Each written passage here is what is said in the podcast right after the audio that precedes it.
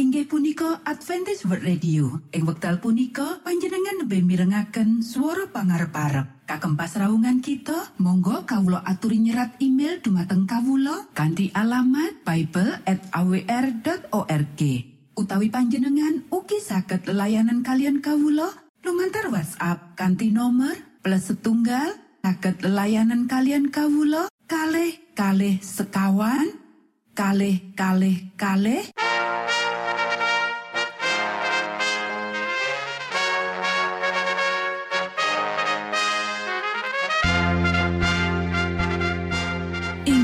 punika Adventist World Radio ingkang giaran kanti basa Jawi. Tentrem Rahayu Kulo aturaken kagem poro Mitra kinasih ing pundi papan lan panggonan. Sugeng pepanggian malih kalian Adventist World Radio. Kanti bingahing manah Kulo badi sesarengan kalian poro Mitra kinasih lumantar saperangan adicara ingkang sampun rinonci mligi kagem panjenengan sami. Mugi giaran punika saged migunani tuwin dados berkah kagem kita sedaya. Sugeng midhangetaken Gusti amberkahi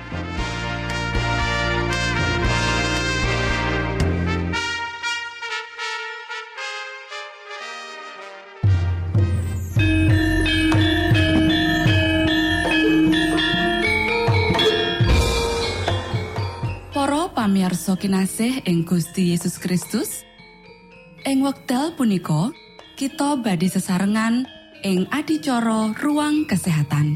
Ingkang saestu migunani kagem panjenengan saha kita sami. Tips utawi pitedah ingkang dipun aturaken ing program punika tetales dawuhipun Gusti ingkang dipunnyatakaken ing kitab suci. Semanten ugi sakehing seratan ingkang dipun wangsitaken dening Gusti Allah. Nanging saderengipun Monggo kita sami midhangetaken kidung pujian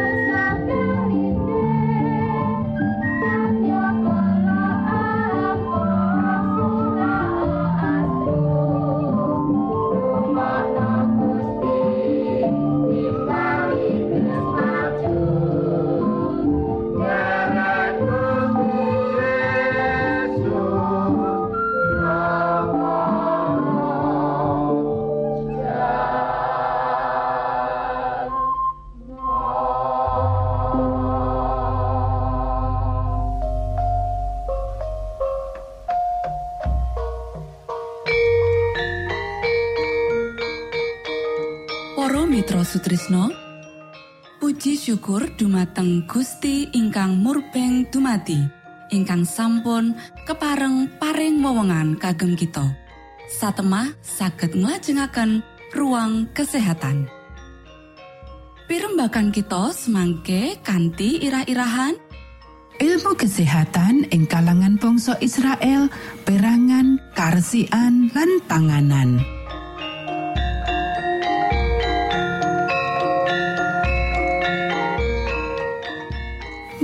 Dumateng para pamiarsa kakung saha putri ingkang dahat kinurmatan sugeng pepanggian malih kalian kula Isti Kurnaidi ing adicara ruang kesehatan.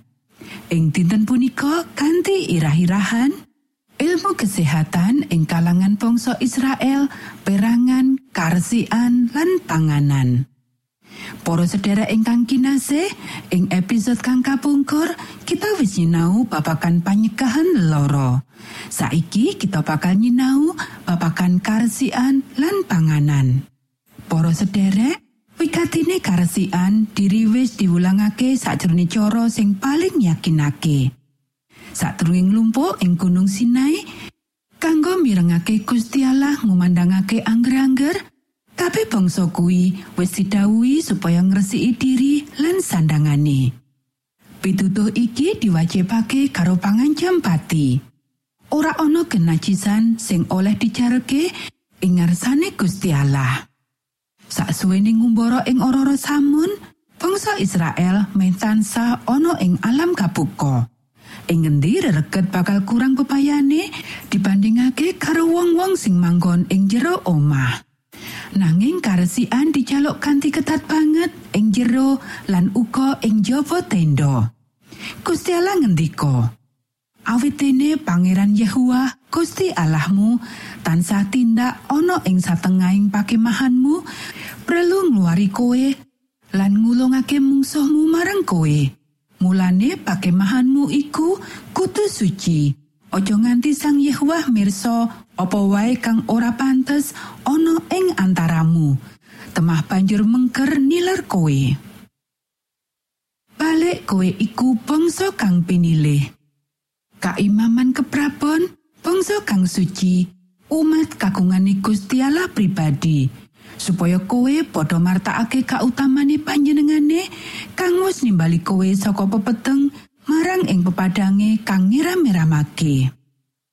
Kang iku hewong Israel, apa kang dadi pundutane Pangeran Yehuwa Gusti Allahmu marang kowe ora liya mung supaya kowe padha wedi asiho marang Pangeran Yehuwa Gusti Allahmu. Lumaku ana ing dalan kang ditedahake sarta tresno lan ngabektiya marang Pangeran Yehuwa Gusti Allahmu kalawan kumolonging ati lan kumolonging nyawamu Para sedherek ingkang kinasih saiki kita nyinau babagan panganan Betane antarane sing halal lan haram wis digarisake sakjroning kabeh wernane panganan Gusti Allah ngendika Ingsun iki Yehuwa Allahira kang misahake sira saka para bangsa. Sira padha mbetakno kewan kang halal lan kang karam. Apa dene manuk kang karam lan kang halal. Supaya awak ira aja nganti sira najisake. Marga saka kewan kang sikil papat lan manuk. Sarta sadengah kang rumangkang ngelosor utawa gumreget ana ing bumi kang wis padha sun pisahake supaya sira karamake. Para sederek, akeh jenis panganan sing dipangan bebas karo bangsa kafir ing kiwa tengene nanging dilarang kanggo bangsa Israel. Prabedan sing digawe kuwi ora kok sak wenang-wenang. Jenis-jenis sing ora dikeparengake kuwi ora nyehatake. Kanyatan menawa jenis panganan kuwi didhawuhake haram, mulangake piwulang menawa panganan bebayani kuwi ngrusak. Apa sing ngrusak awak, condong ngrusak jiwa uga. Wong sing mangan kuwi ora pantes kanggo sesambungan karo Gusti Allah. Ora pantes kanggo dheweke kanggo pelatusan sing agung lan kudus. Para sederek ing bumi prajanjen, disiplin sing diwiwiti ana ing ora-ora samun kuwi diterusake sakjroning kahanan-kahanan sing cocok kanggo gawe pakulinan-pakulinan sing bener. Bangsa kuwi ora urip umpel-umpelan ing kutha-kutha. Nanging saben keluarga duweni pemahane dhewe sing jamin berkah-berkah sing nyihatake saka panguripan alami sing ora sesat. Perkara praktek-praktek wong kanaan sing kejem lan pejat sing ora dituweni bangsa Israel Gusti Allah ngendika. Lakunira aja manut adat tata carane bangsa kang bakal padha sun tundung saka ing ngarepira. Marga iku wis padha nglakoni kang kaya mangkono iku mau, temah padha sun emoi. Lan barang kang jember aja kok gawa lumebu ing omahmu, temah kowe uga bakal katumpes kaya iku. Para sedherek ingkang kinasih, sakjroning kabeh urusan urip saben dina, bangsa Israel diulangake piwulang sing diatur dening Roh Suci. Apa kowe padha ora sumurup yen badanmu iku dadi pedalemane Sang Roh Suci kang ana ing kowe. Sang Roh Suci kang kaparingake marang kowe dening Gusti Allah. Sarta yen awakmu iku dudu awakmu dhewe. Matur nuwun Gusti berkahi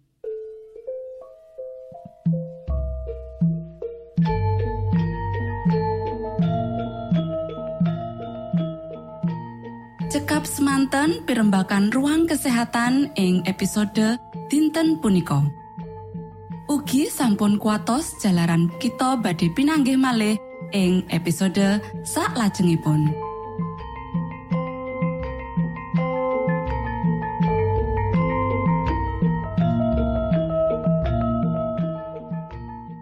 inggih punika adicara ruang kesehatan. Menawi panjenengan gadah pitakenan utawi ngersaakan katrangan ingkang langkung. Monggo Kulo aturi. Kinton email dateng alamat ejcawr@ gmail.com utawi lumantar WhatsApp kanti nomor 025 pitu 00 songo songo papat 00 pitu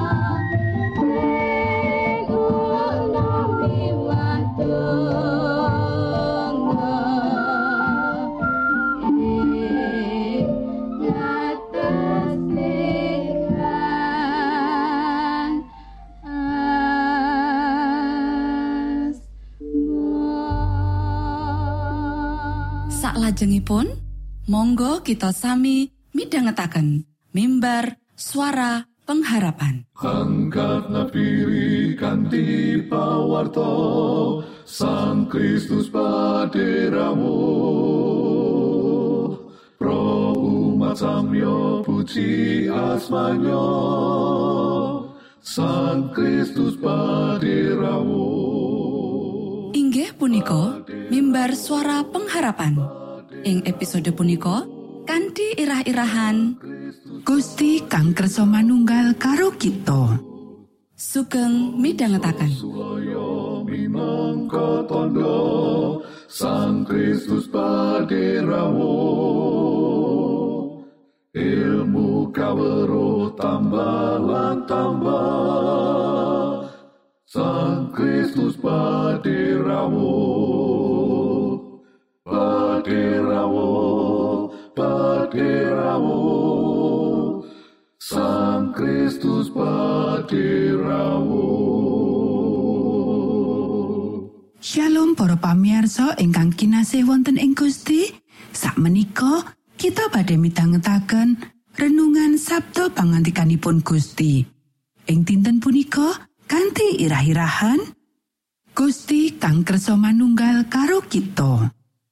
Para sedherek ingkang kinasih dawuh pangantikanipun Gusti wonten ing kitab Purwaning Dumadi pasal pitulas ayat pitu inggih punika Karo dene ingsun bakal nganakake prajanjian ing antarane ingsun kalawan sira.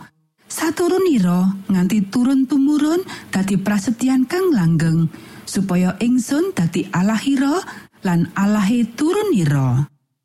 Para sedherek ingkang kinasih, ing cerita kitab prajanjian lawas Gusti Allah tansah ajak numindaki pakaryane miturut sifat misionaris kanggo nyengkuyung tujuan utamane. Kaya dene contoh iki. Sakpurnaning banjir gedhe, wong-wong ing Babel padha nglumpuk ing tunggal panggonan arep yasa kutha lan nganggo menara kang sundul langit. Banjur Sang Yehuwa Allah numindaki gawe kisro basane supaya siji lan sijine aja nganti ngerti basane. Mangkono dadine Sang Yehuwa nguparake wong-wong mau saka ing kono menyang ing salumahing bumi temahan padha kandhek anggone yasa kutha. Kita bisa maca ing kitab Purwaning Tumati pasal 11 ayat siji nganti songo. Gusti Allah banjur ngrembakakake misine srana nimbali Rama Adam kangge nyulurno berkah Gusti Allah ing salumahing bumi. Kita bisa maca ing kitab Purwaning Tumati pasal rolas ayat siji nganti telu. Prasetyane Gusti Allah marang Romo Abraham lan sakabehi kalawangsane kuwi matikel-tikel. Nanging ana siji prasetyo kang luwi sakabehi. Wis makaping-kaping Gusti Allah ngendika bab prajanjen marang wong-wong iku. Engsun bakal jumeneng dadi alai.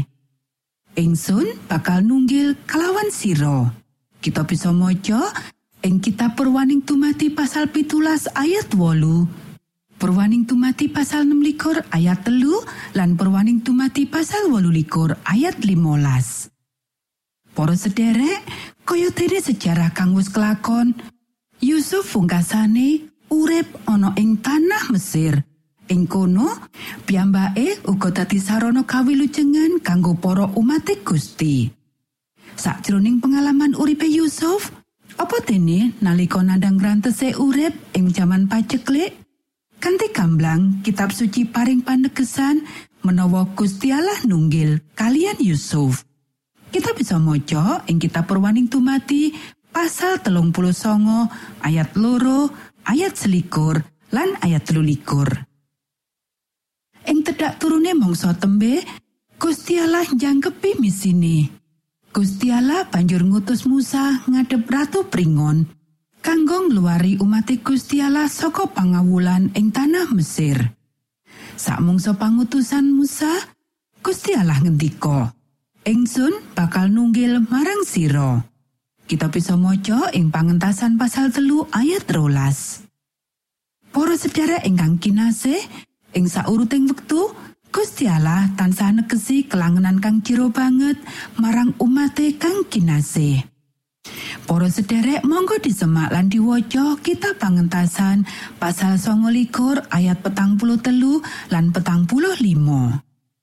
Ono ing kono anggon ningsun bakal manggi wong Israel temah panggonan iku bakal kasucikake dening kamulyan ningsun. Mangkono ingsun bakal nucikake taruh pasewakan lan mesbah iku sarta Harun lan anak-anake iya bakal sun sucikake supaya padha dadi imam lumatus marang ingsun. Karo dene ingsun bakal dedalem ana ing tengahing wong Israel sarta ingsun bakal jumeneng Allahe. Para sederek, Gusti Allah mutusake dedalem ing para peputrane kanthi cara beda-beda. Gusti Allah paring panegesan marang Musa yen klangenane ana ing tengahing wong Israel ing taruh pasewakan lan mitsra iku.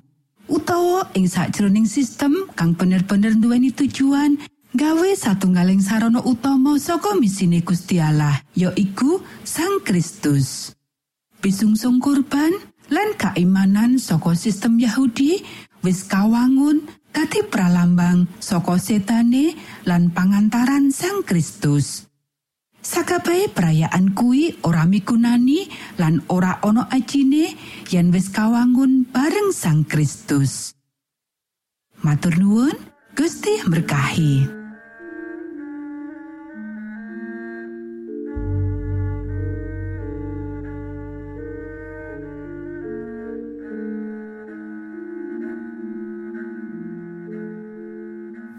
Mitra Sutrisno pamiarsa kinasih ing Gusti Yesus Kristus.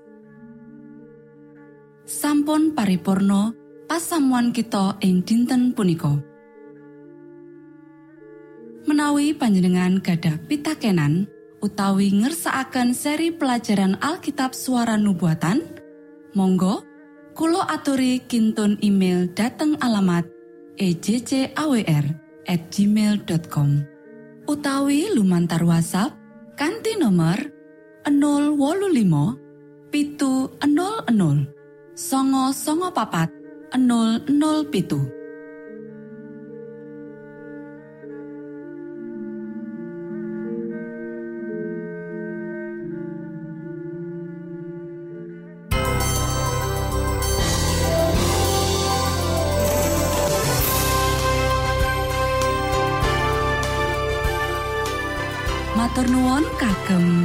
wektalipun kita badhe pinanggih malih ing gelombang ugi wekdal ingkang sami.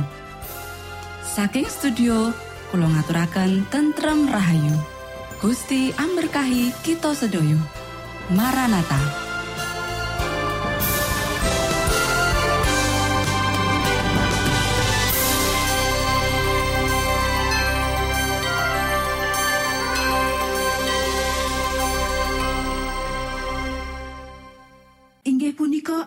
Adventist Radio. Ing wekdal punika panjenengan lebih mirengaken suara pangarep-arep. Kagem pasraungan kita, monggo kawulo aturi nyerat email dumateng kawulo kanthi alamat bible@awr.org.